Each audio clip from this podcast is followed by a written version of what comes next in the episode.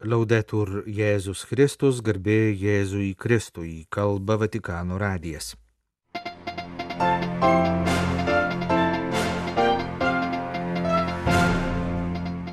Popiežiaus audiencija kultūros renginių Veronos arenoje organizatoriams. Vatikano valstybės sekretorius įspėjo dėl įtampos artimuosiuose rytuose eskalavimo pasiekmių. Ketvirtadienį sausio 18-ąją prasidėjo maldos už krikščionių vienybę savaitė. Nikaragvos režimas toliau uždarinėja nevyriausybinės tarp jų ir katalikiškas organizacijas. Šiaurės Afrikos regiono ganytojai tęsia sinodinį kelią. Ketvirtadienį popiežius privačioje audiencijoje priėmė Vietnamo komunistų partijos delegacija, kuri po popiežiaus audiencijos taip pat lankėsi Vatikano valstybės sekretoriete. Šventojo sosto sekretorius santykiams su valstybėmis ir tarptautinėmis organizacijomis arkivyskupas Polas Richardas Galageris, komentuodamas ketvirtadienio susitikimus, sakė, kad jis šių metų balandį kartu su valstybės sekretoriumi kardinolu Pietro Parolinu lankysis Vietname. Pasak jo, neužilgo galėtų įvykti ir popiežiaus kelionė į Vietnamą. Pranciškus nori nuvykti, Vietnamo katalikų bendruomenė jo labai laukia ir tai būtų labai gera žinia visam regionui, sakė arkivyskupas. Antikos laikų Veronos arenoje jau daugiau kaip šimtą metų rengiami įvairūs kultūros renginiai. Ketvirtadienio sausio 18-osios rytą popiežius Pranciškus priėmė arenos fondo narius. Veronos arena, amfiteatras pastatytas 30 metais po Kristaus, yra vienas geriausiai išlikusių Romos imperijos laikų pastatų. Antikos laikais arena galėjo sutalpinti iki 30 tūkstančio žiūrovų. Šiandien pritaikyta kultūros renginiams įtalpina 15 tūkstančių. Kultūros renginius kūruojančio arenos fondo istorija siekia 1913 metus, kai senajame amfiteatre buvo pastatyta Verdi opera Aida. Popiežius, sveikindamas fondo atstovus, sakė, kad jų institucija saugo labai brangų ir daugelįpį palikimą. Pirmiausia, tai pats arenos pastatas, turintis 20 šimtmečių istoriją. Jis buvo išsaugotas laikui bėgant būtent todėl, kad visada buvo gyva vieta. Kaip dažnai būna, jis buvo pritaikomas įvairioms paskirtims, būta pakilimų ir nuosmukių, kol sulaukė 20-ojo amžiaus pradžios, kai jame pradėta renkti jau daugiau kaip šimto metų tradiciją turinčius muzikos festivalius ir kitus kultūros renginius. Kiek daug darbo įdėta, kiek atsidavimo ir pastangų, sakė Pranciškus. Pradedant nuo tų, kurie statė ir restauravo patį pastatą, iki muzikos autorių ir atlikėjų, įvairių renginių organizatorių ir visų tų, kurių daugelis, o gal net dauguma dirba užkulisiuose. Popiežius ragino su meilė tęsti šį darbą ne tiek dėl asmeninės sėkmės, kiek dėl džiaugsmo dovanoti kažką gražaus kitiems. Donare felicità con l'arte, diffondere serenità, comunicare armonia. Ne abbiamo tutti tanto bisogno. Dovanokite laimę per meną, skleiskite ramybę, perduokite harmoniją. Mums visiems to labai reikia, sakė Pranciškus.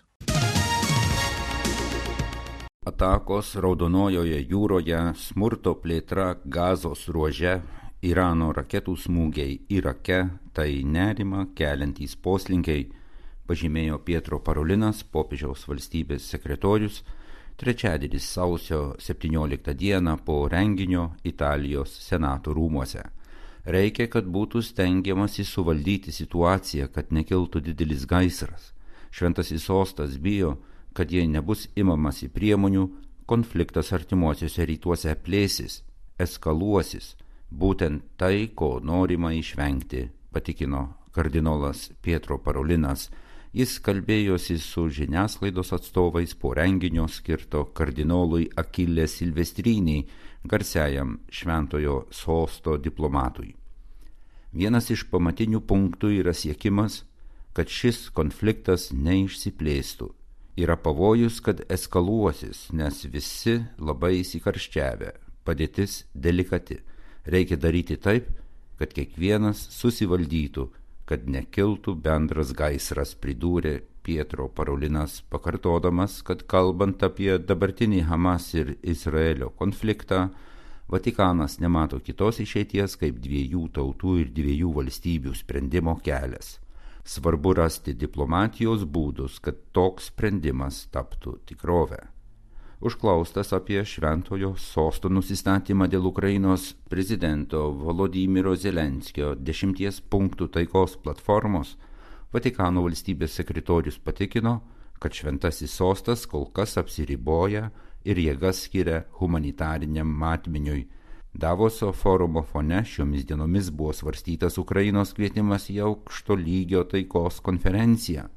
Pietro Parolinas užtikrino, kad šventasis sostas tikrai joje dalyvaus, kaip dalyvavo lygi šiol vykusiuose trijuose susitikimuose, kurių pastarasis įvyko Saudo Arabijoje Susitikime Ukrainos taikos klausimų davose dalyvauja valstybės sekretoriato įgaliotas nuncijus Ettore Balestreiro, nuolatinis atstovas Ženevoje prie jungtinių tautų organizacijų. Kai Italijos senate vyko renginys garsiajam Vatikano diplomatui pagerbti, Italijos atstovų rūmose pristatyta Open Doors ataskaita apie krikščionių persikiojimus pasaulyje maždaug 365 milijonai krikščionių patiria smurtą ir persikiojimus dėl tikėjimo.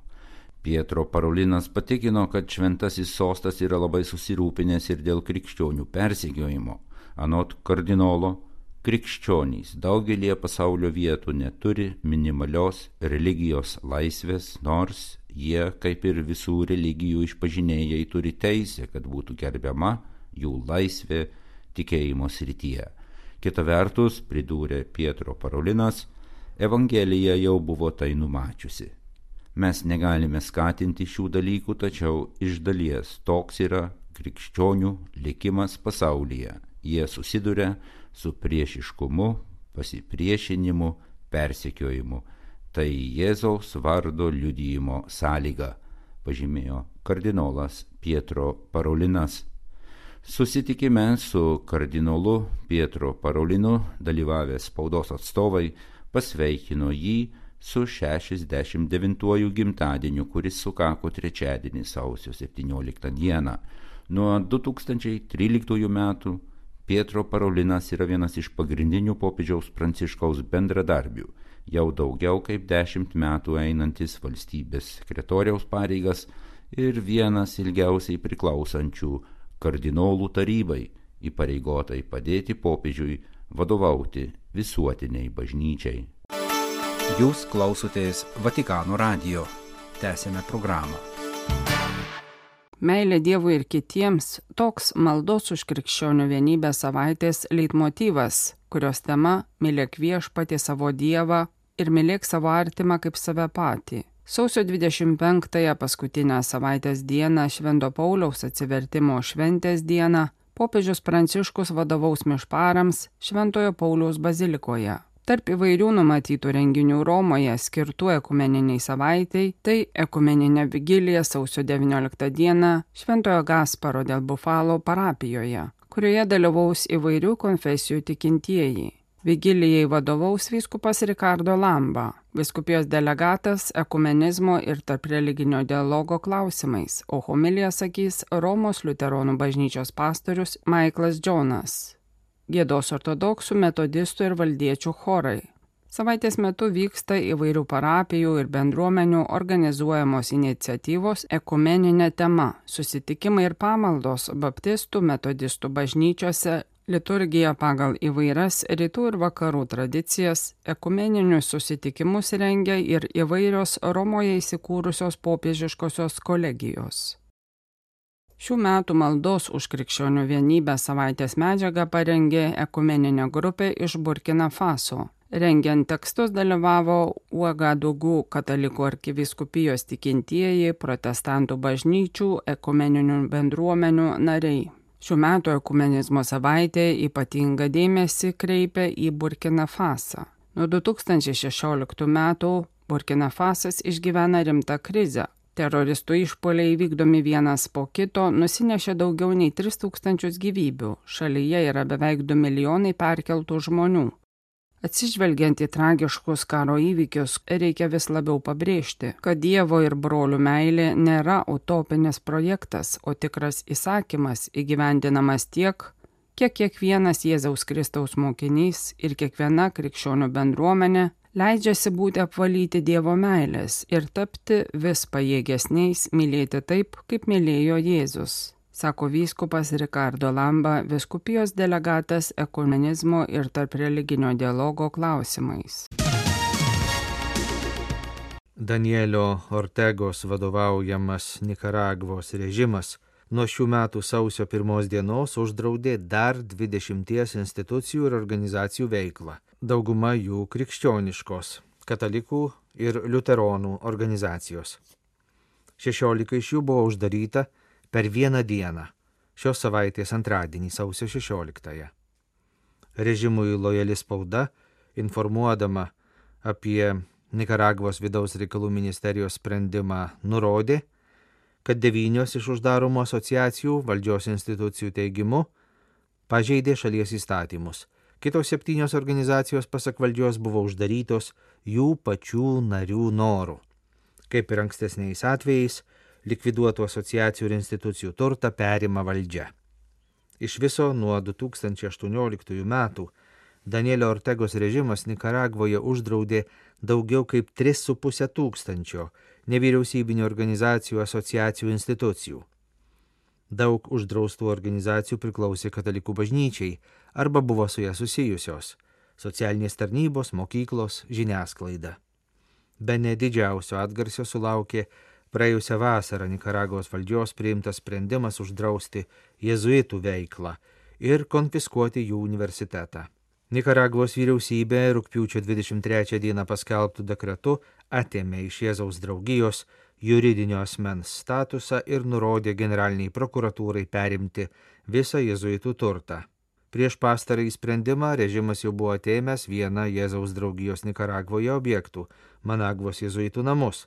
Ta kartą valdžios pareigūnai užėmė namus ir iškeldino gyventojus, nesuteikdami jiems pakankamai laiko susirinkti ir išsivežti savo asmeninių daiktų. 2022 metais Nikaragvos režimas paskelbė nepageidaujamo asmeniu apaštališkai nuncijų arkivyskupą Valdemarą Stanislavą Zomertagą ir netrukus po to pranešė apie laikinai sustabdomus diplomatinius santykius su Šventųjų sostu.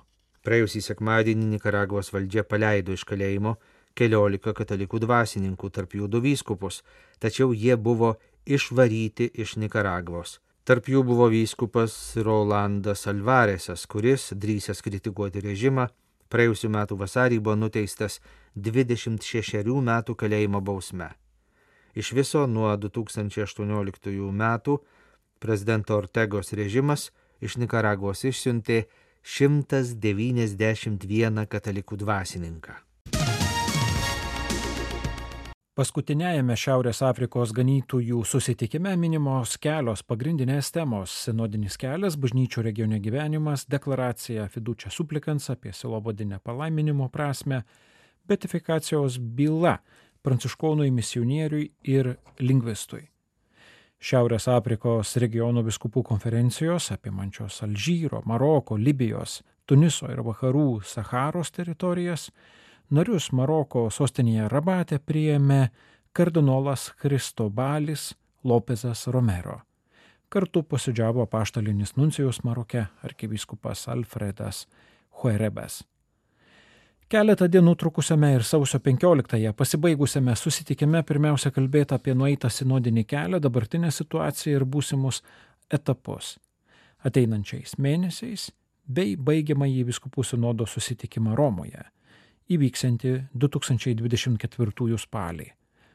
Paminėti Šiaurės Afrikos regionų biskupijų bei parapijų minčių ir klausimų apibendrinimai, dalyvavimas Afrikos žemynų ir Romos susitikimuose atitinkamai 2023 kovo ir spalio mėnesiais. 2024 m. pirmą pusę bus skirta gerų sinodinių patirčių ir praktikų Šiaurės Afrikos bendruomenėse mainams. Kita svarbi tema - 2023-aisiais įsteigtos teologinės komisijos, kurią sudaro viskupai, kunigai, vienuoliai ir tikintieji pasauliečiai darbo vaisiai. Šios komisijos užduotis teologiškai apmastyti krikščionių gyvenimą regione per pastaruosius 60 metų, atrasti, priminti, atnaujinti praeities teologinį lubyną ir biblinius modelius, kurie padėtų ir šiandienos misijoje. Šios komisijos darbas taip pat gali būti laikomas sinodinio kelio dalimi. Trečioji tema - tikėjimo mokymo dikasterijos deklaracija Fidučia suplikans apie silobodinę palaiminimo prasme ir deklaracijos prieimimą Šiaurės Afrikos regionų bendruomenėse. Jų ganytojai pabrėžia tris deklaracijos akcentus. Vieną - patvirtinamą bažnyčios doktriną apie santuką ir seksualinę moralę, antrą - patvirtinamą sampratą apie gailestingąjį Dievą, kurio begalinė meilė ir malonė duodama visiems bei šimties. Trečia, pagilinama silovadinių palaiminimų samprata, įskaitant tai, kad jų funkcija nėra patvirtinti ar įteisinti asmenų situacijas, bet melstį Dievo pagalbos jiems augimo ir atsivertimo kelyje, šventumo horizonte, įsigilinant į atskirus atvejus ir siūlant konkrečius susitaikymo bei bendrystės kelius. Kai žmogus individualiai ir su tinkamu širdies nusiteikimu prašo palaiminimo, jis bus suteiktas. Kai nereguliarioje situacijoje esantys žmonės paprašo palaiminimo, jis gali būti suteiktas su sąlyga, kad tai nesukels sumaišties nei jiems patiems, nei kitiems. Šiaurės Afrikos regiono ganytojai pakvietė gerai įsiskaityti deklaraciją, bei kiek vėliau paskelbtą paaiškinamą į laišką, kad būtų išvengta aklinų pozicijų, instrumentalizavimo ir nevaisingos polemikos. Šiaurės Afrikos regiono biskupų konferencijos pranešime paminimos kitos susitikimo ir ateinančių mėnesių aplinkybės. Susitikimo dalyviams buvo pristatyta Al-Mavafaga, Ekumeninio teologijos instituto rabate veikla. Jame vienas šalia kito darbuojasi katalikų ir protestantų teologai, studijuoja merginos ir vaikinai.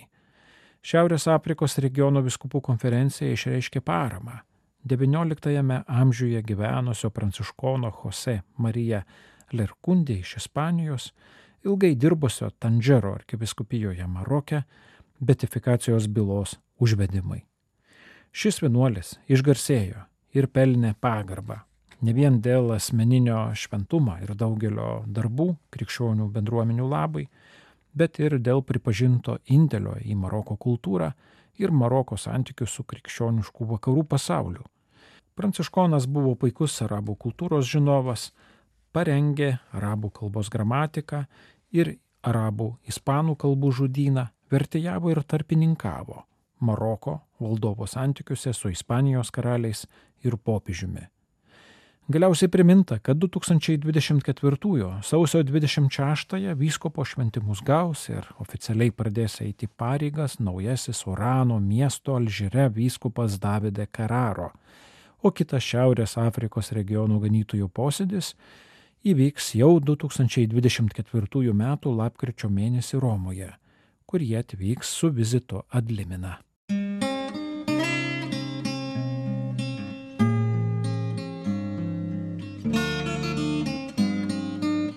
Kalba Vatikano radijas. Laidą lietuvių kalba baigėme. Garbėjai Jėzui Kristui, laudetur Jėzus Kristus.